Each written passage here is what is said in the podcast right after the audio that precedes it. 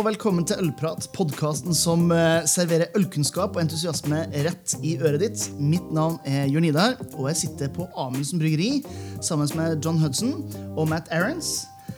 Very nice of you guys to take some time to talk with, uh, with us today. Yeah. pleasure. Yeah. And before we uh, dig into this uh, theme of this episode, um, maybe you can like give us the two-minute spiel on who you are. Maybe start with uh, with you, John. Oh, uh, John Hudson. Uh, I've been working with Amundsen for the last five years. Um, moved to Norway 20 years ago. Didn't work in brewing, and then been through a lot of places: in Drammen, uh, Schouskjelleren, uh, and then started working with Amundsen when they were downtown, and then when it turned to Nydalen, and then here at our production facility five years later. And uh, yeah, I make some beer. Yeah, make some beer. How about you, Matt? You also make make some beer. yeah, you could say that. um, uh, I moved to Norway for my second stint in uh, 2016 and uh, hooked up with the Amundsen guys in the summer and uh, been here since making beer. Yeah.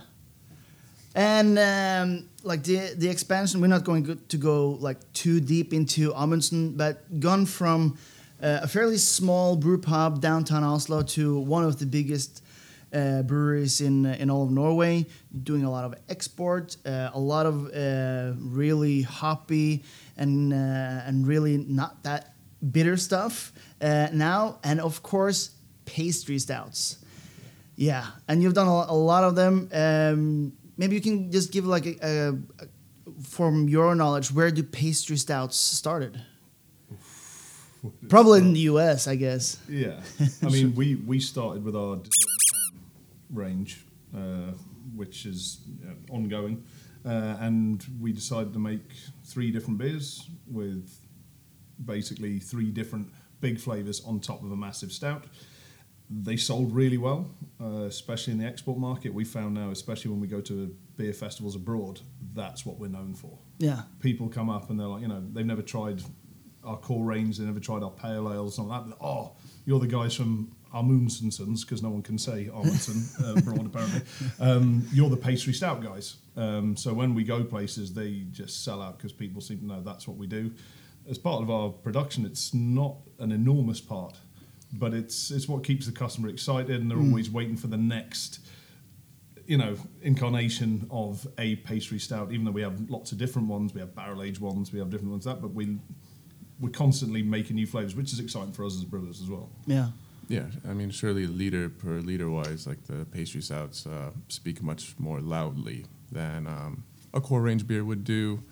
Um, our IPAs are pretty loud as well, but um, percentage wise, as John mentioned, uh, pastry stouts make up uh, a considerable but much smaller chunk of uh, our production capacity than people might otherwise think. Yeah, yeah, Uh, it's a cool style to do because uh, the possibilities are pretty much endless. And at this point, I mean, I'd have to count, but I've, I'd say we've probably done upwards of maybe 10 iterations of what you could call a pastry stout yeah. in the past three years of production. um, And that is a considerable amount of pastry stouts, I, I would say. yeah. it's, a, it's a lot of From different types of beer, right? But, but what would in, in your your mind, Matt? What would be uh, classified as a pastry stout? big and decadent. Something and something that's something that's taking kind of um, taking its cue from what is a dessert. Mm. Pretty straightforward, I think. Like to brew uh, like a big luscious stout. Proper grain bill, lots of roasted malts, chocolate malts, delicious stout, but it doesn't have if it doesn't have any kind of adjunct to bring it to something that's more familiar as a dessert, don't think it's quite pastry. Mm. If you're lacking vanilla or chocolate or coffee, then you've brewed an imperial stout. Yeah. As soon as you start bringing in those adjuncts, I think then you start treading the waters into what can be a pastry stout. And then from there, it can get into something that might ostensibly seem silly. Yeah. That's kind of what pastry stouts are. It's like a, a really delicious, silly beer style almost. Yeah, because you, you're mentioning like the obvious ones is maybe chocolate, vanilla, uh, coffee uh, in different uh, forms, but uh, marshmallows Marshmallow we've done in a couple of different beers. Um, it's it's one of these flavors. Well, with the pastry stouts, like your imagination is the limit, and that's also from the kind of customer that's buying these beers. They want to see what we're doing next, and as much as we want to. What can we do next? And we we're always pushing. It's like, oh, I've got a great idea. And it could be you're sitting at home and you try a dessert or you try something. Oh, I bet that would work. It's oh, have you ever had this kind of thing? I bet we could recreate that in a beer. And we do we do do a lot of testing. We will take a a, a base uh, stout and we'll mess around with it sometimes. Say, oh, does that flavour work? Does this sort of work? Even trying it with you know raw material and say, ah, yeah, that kind of works. Until we actually get the recipe that we want and say, yeah, that that's banging, that's amazing. Mm. Or we say, no, we'll forget that, or we'll come back to it. You know, and so we we've got a lot, you know, mm. up, up up in our brains that are that are maybe coming out at some point. It's one of mm. those things where I think like very rarely have I sat down at a table with a pen and a paper and thought, all right, what's the next pastry step? Yeah. it generally happens at the table, Oh. eating something. Maybe you've had a drink, a cocktail or something that can also be Yeah, like translated? Yeah. into a beer. And that's where the inspiration comes. It's a little bit more spontaneous, and then you kind of, all right, I got to write this down so I don't forget about it. And then we start talking about it in the brewery, and then it morphs into something. And yeah, we'll we'll be brewing, we'll be brewing a stout probably somewhere in the cellar, and we'll take off a few liters of that, and we'll start messing around, and see like, all right, can we translate this idea into an actual beer? And then from there, we say, yeah, all right, that's there's something there put it in the on the back burner, and then just wait for the next uh, available brew spot, and then brew whatever a pecan maple uh, imperial stout, pastry stout. I I, uh, I remember when I got into homebrewing, one of the things that uh, was sort of a curse word was when you put too much shit in it, Yeah. like everything but the kitchen sink. Is like the the pastry stout uh, a way of doing everything but the kitchen sink in a more uh, structured way, so to speak? I think I think the um, with craft brewing and everything, everything we do, it's all natural ingredients. It's all real stuff, um, and it's not about being subtle. You No. get a lot of beer styles. You've got lagers, pale ales, even IPAs. You're looking for balance. You're looking for something like that. When it comes to the pastry stout, it's like let's go for it. and but we do also when we do our tests, we were like, oh yeah, we're, we're there, we're there, and then let's see if we did some more, and we'll add a bit more. Oh, we've gone too far. Yeah. But it is it is a case of it's not we're not so oh you can't add this you can't add that. We're making the beers that we want to make and also making the beers that the customer wants to drink, and they are silly and they are extreme, and that's what puts them in that category. It's not just a a, a mildly coffee flavored imperial stout. It is boom, and we we said from the beginning. Whenever we taste a beer, said, does it taste like what it says on the can? Mm. If it doesn't, what's the point doing it? Yeah. So if we put pecan maple, can you taste the pecan? Can you taste the maple? We already know it's a 12% imperial stout, Yeah. but can you taste those? If you can't, then you've either done it wrong or you need to go back and rework it. So Yeah. we will always do that and say we'll give it to also other people in the brewery that are not necessarily on the brewing production side, people who are working in packaging, say, try this. What do you get? Mm. And they'll maybe come with the flavors and we're like, all right, but mm, do you get that? Do you get this? And they say, oh, yeah, yeah, definitely that. So it's, yeah, they are silly beers, but Yeah. they're fun. By their nature, they're supposed to be silly Exactly. beers. Have you? Um, uh, I remember this is like a, a fairly long time ago uh, when craft beer was just uh, emerging in Norway. Uh, we got from the U.S. Southern Tier. They had uh, mocha, Yep. creme brulee. Um, remember tasting those for the first time and thinking, "Well, what the heck?" first of all, because they were the only ones doing it, and now you see. I wouldn't say that everyone is doing pastry stout, but a lot of breweries in Norway and, and abroad are doing uh, pastry stouts. How do you see that evolution of of stout as a, as a general? Like are we have we explored all the corners of like one particular stout uh, style which is stout? Or is there mm, is there more that we can do with from pastry stout? Where is the sort of the next step? Well, one that I'd say you say uh, you and Jeff went to Pastry Town in New York, and what the Americans consider a pastry stout is very different or you've found that it was not very different, but the way they do them is quite different from what maybe a European brewery is made. But I'll let All right. you were there. I mean, okay, you can say more on that. But you know, pass, pass le baton. yeah. I mean, uh, yeah, I don't want to be misunderstood here. Uh, the conceptualization of uh, the American pastry stouts that we had vis-a-vis the European pastry stouts is the same. They're going for um, something that is obviously inspired by a dessert. They're big, they're decadent. We found that um, how that translated into beer tended to come out a bit differently. ABVs off the bat, they're bigger. Like as a rule of thumb, it wasn't weird to see a 16.5% pastry stout. Um, they tended to go a little bit more towards roasty flavors, something that we try to shy away from, something that I think is uh, part of, like an integral part of our interpretation of what we do with um, a pastry stout.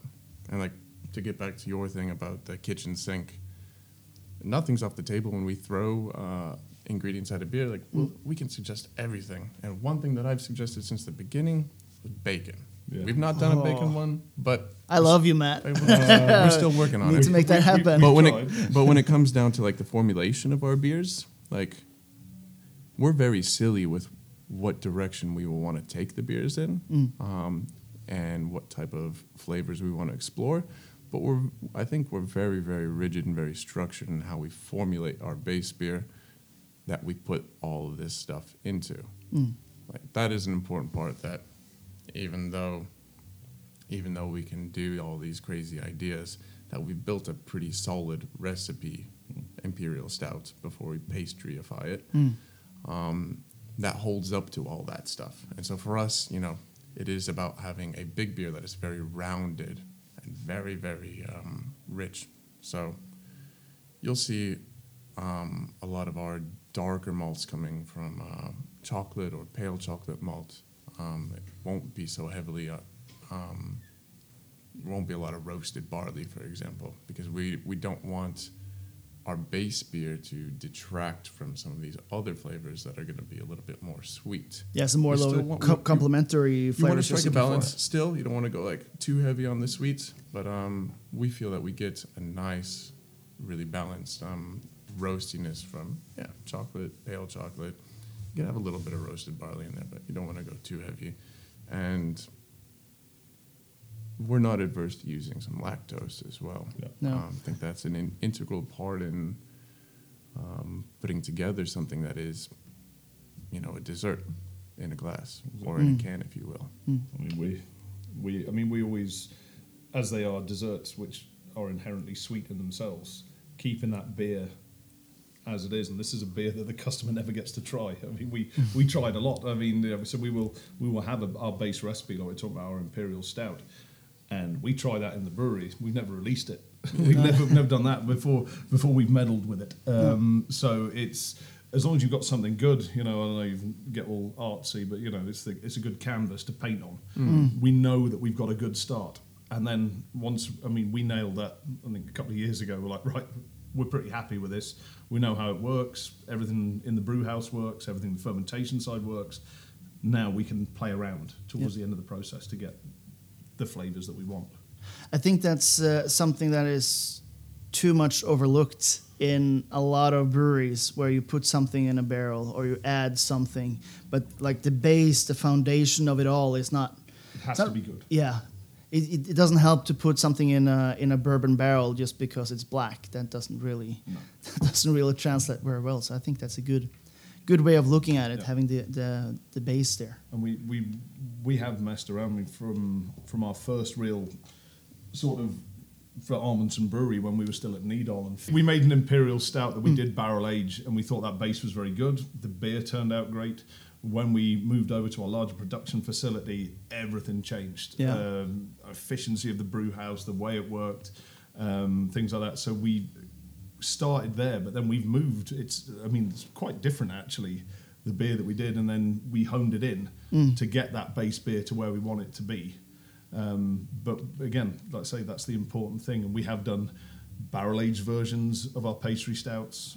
Uh, we have done that, and they are different.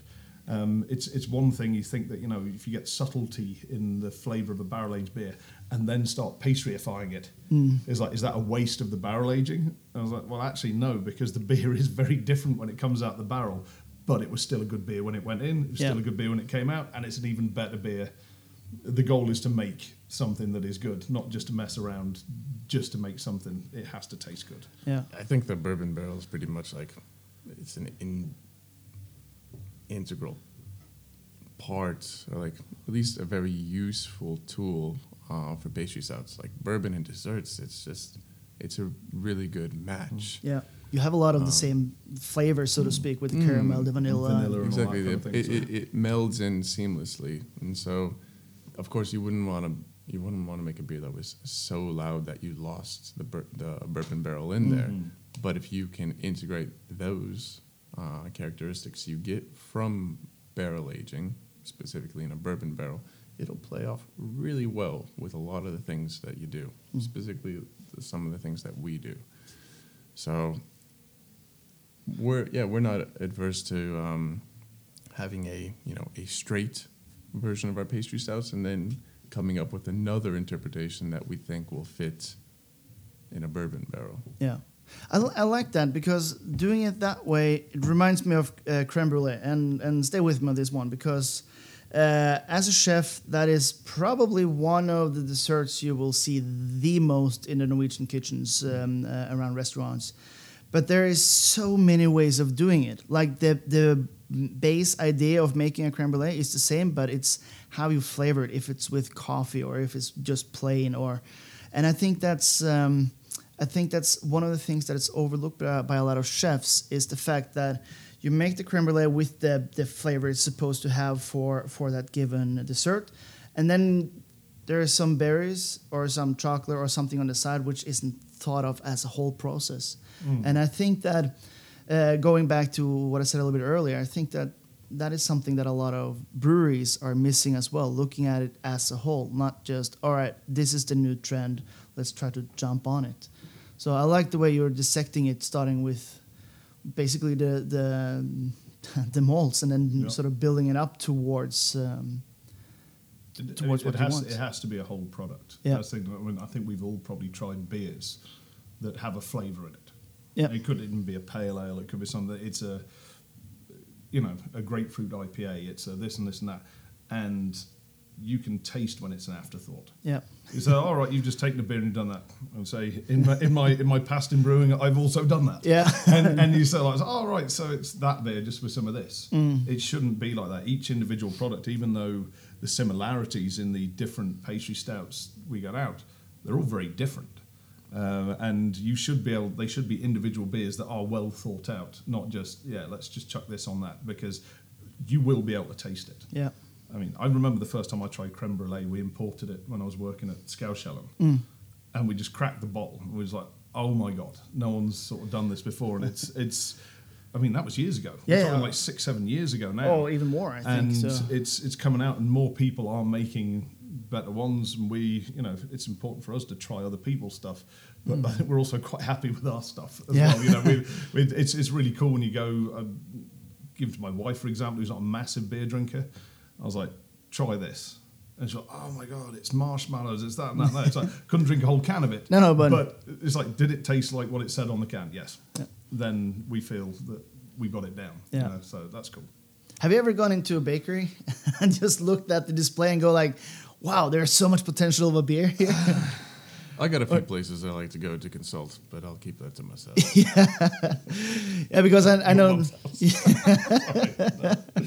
But no, but we do we do do things. I mean, I, I there's an idea that we're playing with now. Obviously, this is going out, so I'm not going to say it. But I I, I bought a packet of something, let's Yeah. say in Sweden. Yeah. And I came home and I tasted. it. I came to Matthew on the Monday. It's like we have to make a uh, uh, uh, pastry salad. I was like, yes, that's it. And this is an idea that is still coming and may be released. You know, when there, it might not. We, Yeah. we, we could also try it.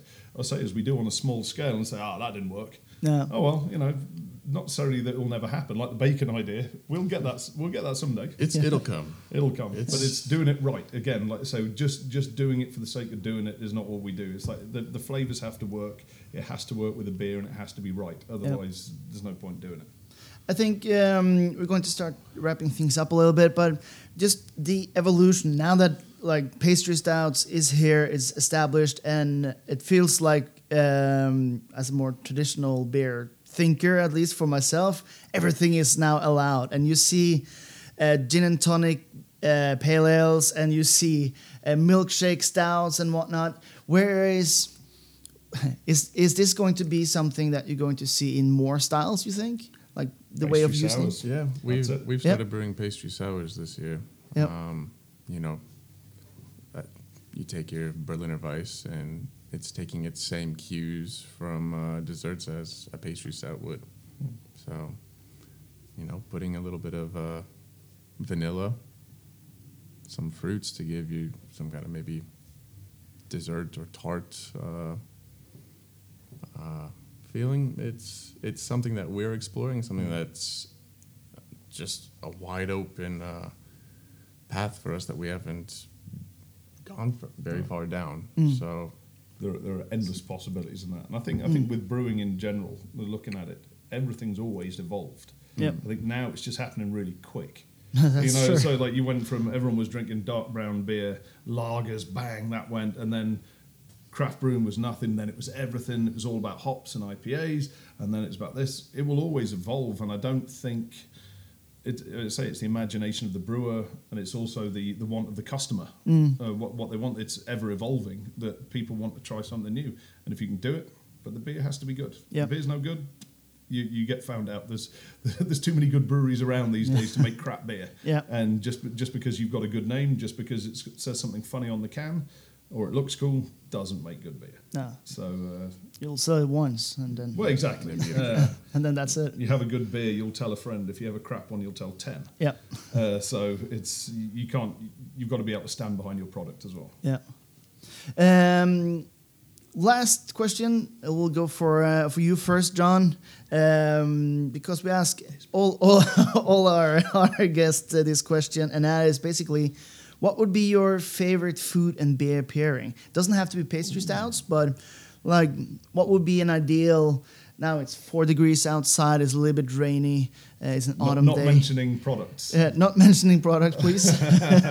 well, um, uh, one there was yeah, I say a creme brulee stout that we maybe mentioned earlier, yep.